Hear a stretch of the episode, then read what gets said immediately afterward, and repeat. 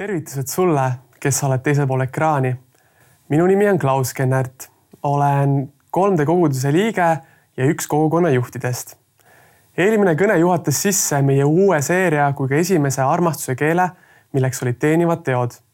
seekord räägime aga järgmisest armastuse keelest, milleks on füüsiline puudutus ning mille mõtted on inspireeritud suurepäraselt kirjanikult Gary Chapmanilt raamatust Armastuse viis keelt tunnistan ausalt, et äh, ma ei ole alati olnud teadlik, et armastusel on keeled ning neid õigesti kasutades saame tunda kui ka tunda anda armastust just kõige paremas võtmes. abielludes saime nii mina kui ka minu abikaasa kiiremas korras aru, et armastus on rohkem kui palju tähendav sõna. sest ühel hetkel oli abielus hääbumas see leek, mis meid algselt nii võimsalt edasi viis ja me mõtlesime, kuhu küll armastus mida alles nii väga kogesime, kadunud on.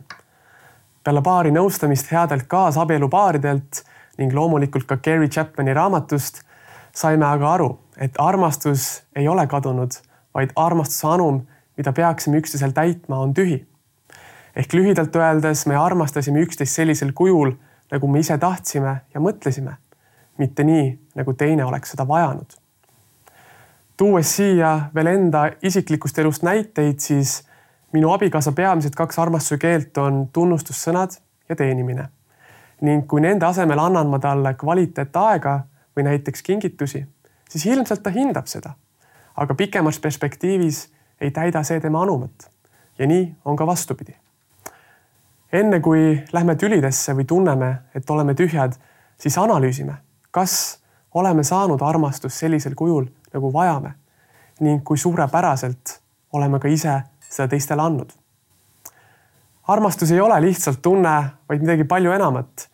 armastus on eelkõige meie sisemine otsus tahta armastada ja on palju, mida saame teha, et armastada kõige paremal ja parimail viisil.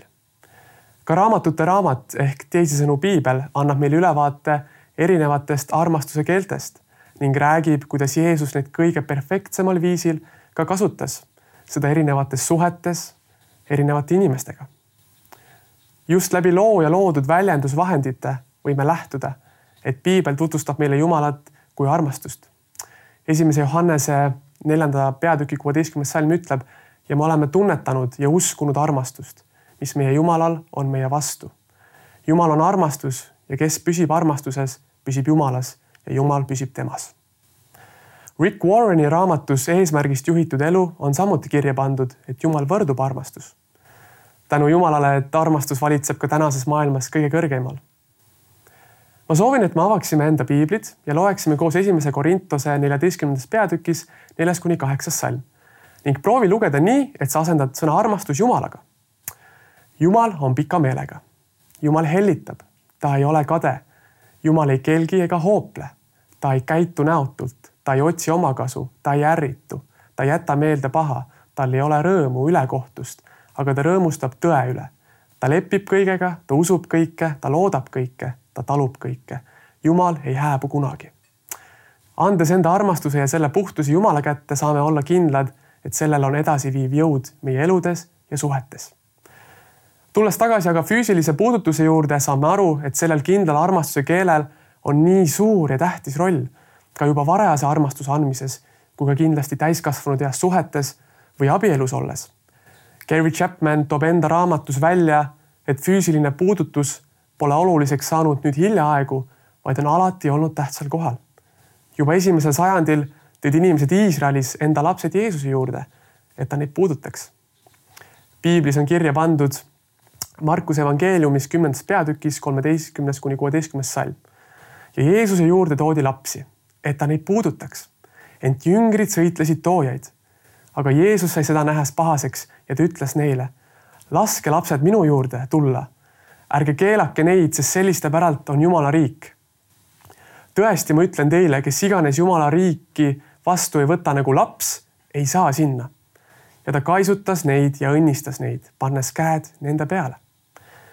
ka uuringud ütlevad, et beebid, keda süles hoitakse, kaisutatakse ja musitatakse, arenevad palju-palju kiiremini ja on emotsionaalselt stabiilsemad kui need, keda füüsiliselt ei puudutata.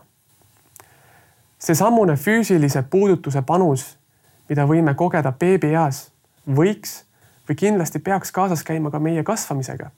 sest ometi ei kao selle vajadus, vaid teistpidi saame aru, et harmoonilise suhte tagamiseks vajavad ka teised inimesed seda kogeda ja saada. Meil tuleb õppida ka andma. suhtes või abielus olles võib füüsiline puudutus seda kõike üles ehitada, kuid võib sellega lõhkuda puudutus saab olla nii armastav, aga ka vihkav ning võib kanda suuremat tagajärge või mõju, kui sõnad seda teevad. näitena tuues saame öelda, et kui keegi peaks kogema tahtlikku füüsilist haiget saamist ja tema kõrgem armastuse keel on füüsiline puudutus, siis selle mõju võib olla laastav. Teistpidi andes või saades kallistusi, võime märgatavalt julgustada või anda juurde inimesele, keda tunneme, kellega oleme sõbrad või hoopis armastame. loeb, kuhu, kui palju ja kuidas me enda füüsilist puudutust suuname. füüsiline puudutus ja instinktiline soov või tahe saada füüsilist lähedust ei ole üks ja sama. meestena võime pidevalt tunda füüsilise läheduse vajadust, aga see ei tee veel sellest füüsilise puudutuse vajadust kui armastuse keelt. meeste jaoks võib alateadlikult seks võrduda armastusega, kuid armastus on palju enamat kui seks ning teistpidi on ka füüsiline puudutus kui üks armastuse keel palju enamat kui seks. just seda kitsamas tähenduses. naine võib vajada ka kõige lihtsamal viisil enda mehe füüsilist lähedust palju rohkem ja sagedamini kui näiteks seksuaalsuhet või näiteks käsikäes käimist tihemini kui voodis käimist. Samuti saavad lihtsad füüsilised puudutused nagu kallistused, pai tegemine, massaaž või pehmed puudutused päeva jooksul anda palju enamat kui orgastilised elamused.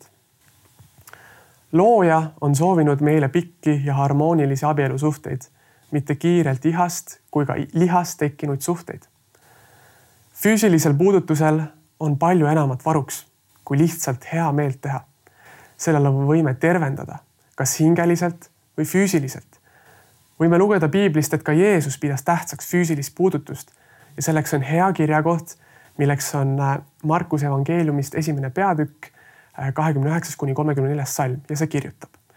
aga nemad tulid kohe pärast sünagoogist lahkumist koos Jaakobuse ja Johannesega Siimona ja Andrease majja. aga Siimona ämm lamas voodis palavikus ja otsekohe räägiti Jeesusele temast. ja Jeesus astus ta juurde, võttis tema käest kinni ja aitas ta üles. ja palavik lahkus Siimona ämmast ning ta teenis neid aga õhtu jõudes, kui päike oli loojunud, toodi Jeesuse juurde kõik haiged ja kurjast vaimust vaevatud. terve linn oli kogunenud maja ukse ette. ja ta tervendas paljusid, kes põdesid mitmesuguseid haigusi ning ajas välja palju kurje vaime ega lubanud kurjedel vaimudel rääkida, sest need teadsid, kes ta on. Jeesus valdas kõiki armastuskeeli ja tema igatsus oli ja on ka meile neid õpetada. et just meie võiksime parimal viisil teistest hoolida. puudutuses on suur jõud ja me vajame üksteist. inimesel ei ole hea olla üksi. kuid kindlasti on ka inimesi, kellele ei meeldi puudutus ja võib-olla oled sina üks neist, kellele näiteks kallistada või puudutada nii väga ei meeldi. kahjuks on puudutus miski, mis meie patuses maailmas on saanud ka kõige negatiivsema tooni sest just läbi negatiivse puudutuse on kogetud valu, ärakasutamist ja palju teisi halbu kogemusi. inimesed on väärkasutanud keelt, mille Jumal on siia maailma andnud. kuid Jeesus teadis väga kindlalt, mis oli puudutuse jõud. Markuse evangeeliumis esimeses peatükis neljakümnes, neljakümnes kuni neljakümne viies salm kirjutab. ja Jeesuse juurde tuli pidalitõbine, palus teda põlvili heites, ütles talle, kui sa tahad siis sa võid mu puhtaks teha. ja Jeesusel hakkas temast hale, ta sirutas oma käe välja, puudutas teda ja ütles, ma tahan, saa puhtaks. ja otsekohe lahkus pidalitõbi temast ja ta sai puhtaks. ja Jeesus hoiatas meest ja saatis ta kohe minema. Jeesus ütles talle, vaata, et sa kellelegi midagi ei räägi, vaid mine näita ennast preestrile ja ohverda oma puhtaks saamise eest, mis Mooses on käskinud neile tunnistuseks. see aga läks ja hakkas igal pool kõnelema ja seda uudist levitama, nii et Jeesus ei saanud enam avalikult minna ühtegi linna, vaid pidi viibima eemal asustamata paigus. ja kõikjalt tuldi tema juurde. Jeesus oleks võinud minna ka kergemat teed ja öelda, et ole või sa terveks, aga ta ei teinud seda. aga mida ta siis tegi? ta sirutas oma käe välja ja katsus seda inimest, kes oli haige ja kelle haigus oleks võinud ka Jeesusele jõuda. pidalitõbi oli haigus, mille tagajärjel pidi antud pere kas kodust või lausa külast lahkuma ja nad said ka justkui häbiosaliseks ja polnud lubatud kohtuma ega olema läheduses e, ei ühegi teisega. Kuid Jeesus tegi midagi, mida keegi teine poleks teinud. ta sirutas enda käe, katsus pidalitõbist ja pidalitõbine sai terveks. antud ime näitas, et Jeesuse väge, kuid tema puudutus ja otsus seda tehes näitas, et Jeesus lihtsalt armastas ta astus sammu edasi kohas, kus mitte keegi teine seda ei oleks teinud ja seeläbi ei katsunud ta lihtsalt seda pidalitõbist ning lihtsalt ei tervendanud teda, vaid ta katsus tema hinge. Kuid miks on tähtis kogeda füüsilist puudutust ja mit-, ja mitte sõnaväge? kui Jeesus on meie inimliku loomuse jumalik looja, siis ta teab ja tunneb meie terviklikku olemisviisi ihu ja hinge tervikus ning mida vajame terveks ja tervislikuks eluks. näiteks lohutamisel või koroonaaegsel distantseerumisel rääkimata väikelapse arengus või vanurina eluõhtul kaasinimese lähedust ja puudutust samavõrra kui tema sõnalist kinnitust. Puudutus kommunikeerib paljusid asju, nagu näiteks armastust.